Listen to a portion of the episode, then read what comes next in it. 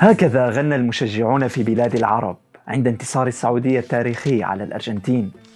أما عندهم هناك في أرض اللاتينيين وتحديدا عند مشجعي منتخب السماء البيضاء والزرقاء يتذكرون صانع أمجادهم مارادونا ويغنون ما كتب ماريو بنديتي عنه في قصيدة بعنوان اليوم زمنك الحقيقي والتي أهداها له الأديب الأورغوياني عام 2008 تقول القصيدة اليوم زمنك الحقيقي لا فضل لأحد عليك لا يهم ما تقول المرايا ما زالت لك عينان فتيتان تريان ولا تنظران أكثر مما يجب. ستحظى بالحياة وستحظى بالموت. ها هو عام يمر تلو عام وأنت تنتصر على ظلك. لطالما نالت كرة القدم حب الشعراء في الشرق والغرب وهنا سنتكلم بتفصيل أكبر عن تلك القصائد والأناشيد المكتوبة في أمريكا اللاتينية. كيف لا؟ وهي التي ينتمي إليها الفريق الأكثر تتويجا بالبطولة. البرازيل. دخلت كرة القدم إلى البرازيل للمرة الأولى عام 1894 وذلك بوصول تشارلز ميلر إلى ميناء سانتوس وهو يحمل كرتي قدم في يديه الاثنتين. ويقال أن الأصل الأول لهذه اللعبة يعود إلى قبائل في أمريكا اللاتينية ومنها أخذت الفكرة إلى أوروبا عن طريق المستعمرات.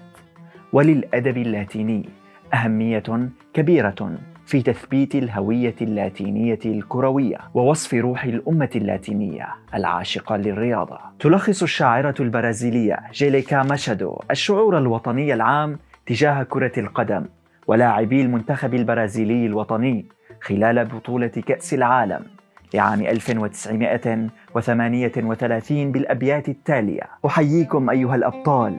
يا من سطرتم ملحمة عظيمة بخفة أقدامكم. ورشاقتها التي تفوق كل الكلمات. أيتها الأرواح البرازيلية الشفافة التي ترقد خلف الكرة تطوي المدى لتعيد مجد الأسلاف. هؤلاء هم رجال البرازيل ليونيداس ودومونغوس. يراهم العالم معجزة حقيقية ينحني الجميع أمامهم ويهتف لأقدامهم الرائعة. البرازيل تنثر اليوم زهورها تحت أقدام أبطالها أيضا. أمريكا اللاتينية حاضنة المواهب الكروية. لم تغب ظلال أدبها عن المستطيل الأخضر.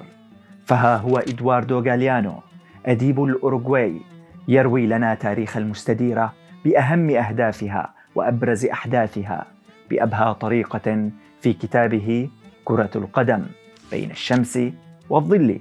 وقد استهل كتابه بمقدمة ينشد فيها هتافا لأطفال عائدين من لعب كرة القدم إذ يقول هذه الصفحات مهداة إلى أولئك الأطفال الذين التقيت بهم ذات مرة قبل سنوات في كاليا ديلا كوستا. كانوا عائدين من لعب كرة القدم وهم يغنون أهزوجة شعرية. ربحنا أم خسرنا؟ لن تتبدل متعتنا. متعتنا تبقى كما هي. سواء خسرنا أم ربحنا.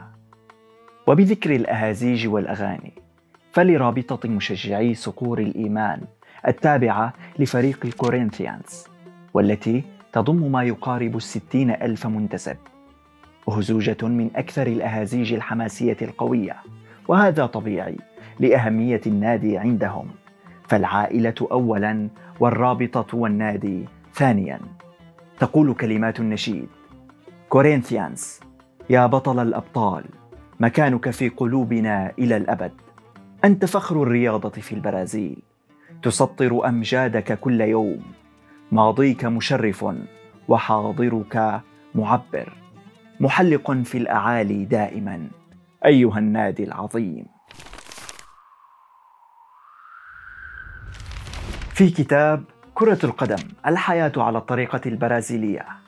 يروي أليكس بيلوس أنه عندما وصل إلى المناطق الشمالية الشرقية في البرازيل والتي تتميز بمساحاتها الواسعة المغطاة بالرمال مصادفته لرجلين من أولئك الشعراء المتجولين الذين يسمون تروبادور يحمل كل منهما جيتاره.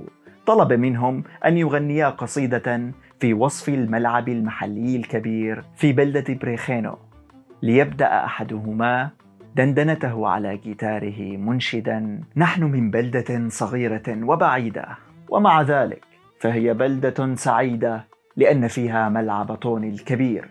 ثم يشاركه زميله بنقرات خفيفة على أوتاره. صادحا ملعب طوني الكبير. فيه كل ما تريد. يسطع بأنواره الخاطفة. يراه القريب والبعيد هو فخر هذه البلدة. أقول ذلك بكل تأكيد. نختتم معكم بالحديث عن آخر شخص يحمي العرين حارس المرمى. لطالما عكس تدين حراس المرمى العقلية البرازيلية. فيرى البرازيليون في حارس المرمى قدرات خارقة وليس فقط مهارات رياضية. ويظهر ذلك في لغة جماهير والمعلقين الذين يطلقون عادة على حارس المرمى. الماهر لقب القديس أو الملاك وهو مما يميزهم عن غيرهم. ونلحظ هذه اللغة بوضوح.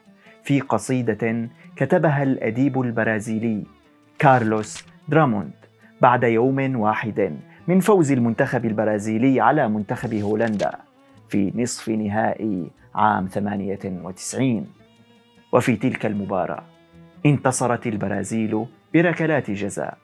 وهناك بالتحديد استطاع الحارس تافاريل إنقاذ فريقه لتفوز البرازيل في نهاية المباراة. ينشد كارلوس في شعره. أيها القديس تافاريل أيها الملاك الحارس أنقذت مرمانا وأحلامنا وسعادتنا. بوركت يداك اللتان دافعتا عن ترابنا حتى آخر شبر من أرض الأجداد.